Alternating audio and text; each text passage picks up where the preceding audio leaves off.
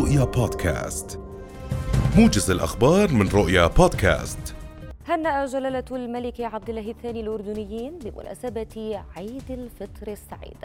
وقال جلالته في تغريدة عبر تويتر كل عام وأسرتنا الأردنية الواحدة بخير وصحة بمناسبة عيد الفطر المبارك. أعاده الله تعالى على وطننا وأمتينا العربية والإسلامية والعالم أجمع بالخير واليمن والبركات. وفي ذات السياق هنأ سمو ولي العهد الأمير الحسين بن عبد الله الثاني الأردنيين بمناسبة عيد الفطر السعيد. وقال سموه عبر إنستغرام مبارك علينا جميعا حلول عيد الفطر سعيد أعاده الله على الأمتين العربية والإسلامية بالخير والبركة.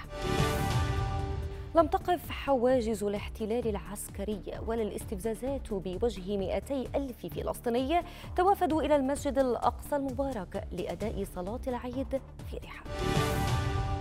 وفي مصر أدى آلاف من المسلمين صلاة عيد الفطر في رحاب الجامع الأزهر بعد أن أصدرت السلطات المصرية قرارات جديدة بشأن ضوابط الصلاة حيث سمحت بأدائها في الساحات بعد منعها العام الماضي بسبب جائحة كورونا.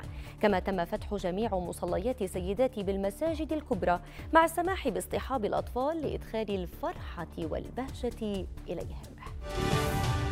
واصلت مديرية الأمن العام تنفيذ جهودها الأمنية والمرورية والمجتمعية الهادفة إلى تقديم الخدمة المثلى للمواطنين أينما تواجدوا خلال أيام عيد الفطر السعيد وبما يضمن الحفاظ على أمن المجتمع وسلامته. وكانت بلدية إربد الكبرى أنهت تجهيزاتها للحدائق والمتنزهات لاستقبال الزوار خلال عطلة عيد الفطر المبارك.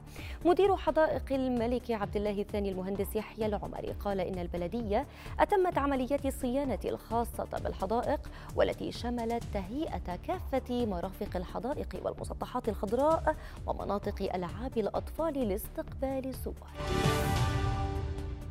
وفي خطاب له بمناسبة عيد الفطر المبارك أعلن الرئيس التونسي قيس سعيد أنه سيقوم بتشكيل لجنة للإعداد لجمهورية جديدة مع تكليف هيئة للإعداد للحوار الوطني الشامل.